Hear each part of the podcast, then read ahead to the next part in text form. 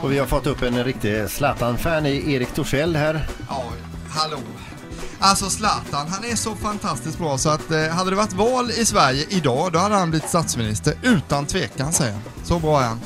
Så ja, det är just det är jag skeptisk till. Nej, det tror jag vet du. Men det var ju en jädra frispark han drog av som Ja. han skruvade förbi försvaret in i mål. Och jag skulle vilja lyfta fram båda matcherna har ju varit så bra också alltså, i det här. Alltså, det var ju helt fantastiskt. Såg du matchen Anna? Jag såg matchen absolut, helt underbart, fantastiskt. Absolut, va? Jag, Jag och tycker det Erik har ju pratas- alltid ja. sms-kontakt också under hela matcherna. Kan man följa sen, gå tillbaka i flödet och se vad det var för typ av match. Ja. Och hur sammanfattades det via sms igår? Erik skrev Ibra kadabra på slutet, utropstecken, kärlek, tumme upp, vinglas. 500 A också Ja. hade Ibra, Kadabra.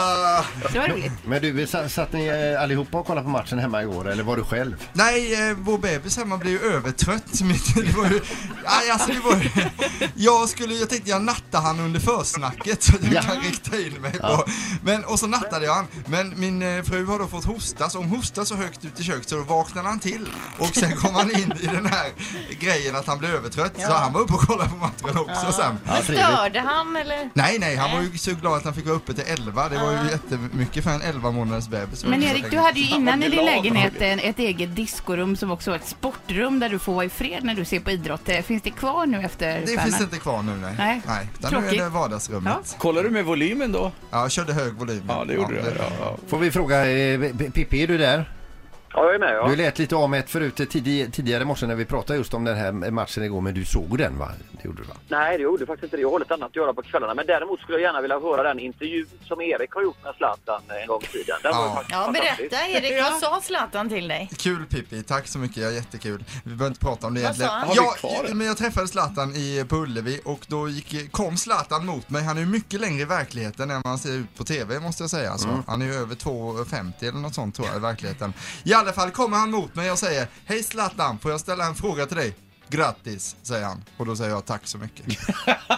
Gratis eller grattis? Grattis! För jag säger hej Zlatan kom från Mix Megapol, då gratulerar alla som är till att jag jobbade på Mix Att du Megapol. har Och en för jag har tagit anställning. mig Från eh, småstaden Karlskrona upp till Göteborg och ändå lyckats in the great city. Ja. Då tillhör du ju ändå en av de få som har blivit tilltalad utav Zlatan. Ja, och gratulerade också. Ett poddtips från Podplay. I fallen jag aldrig glömmer djupdyker Hasse Aro i arbetet bakom några av Sveriges mest uppseendeväckande brottsutredningar. Går vi in med hemlig telefonavlyssning och, och då upplever vi att vi får en total förändring av hans beteende. Vad är det som händer nu? Vem är det som läcker? Och så säger han att jag är kriminell, jag har varit kriminell i hela mitt liv men att mörda ett barn, där går min gräns. Nya säsongen av Fallen jag aldrig glömmer på Podplay.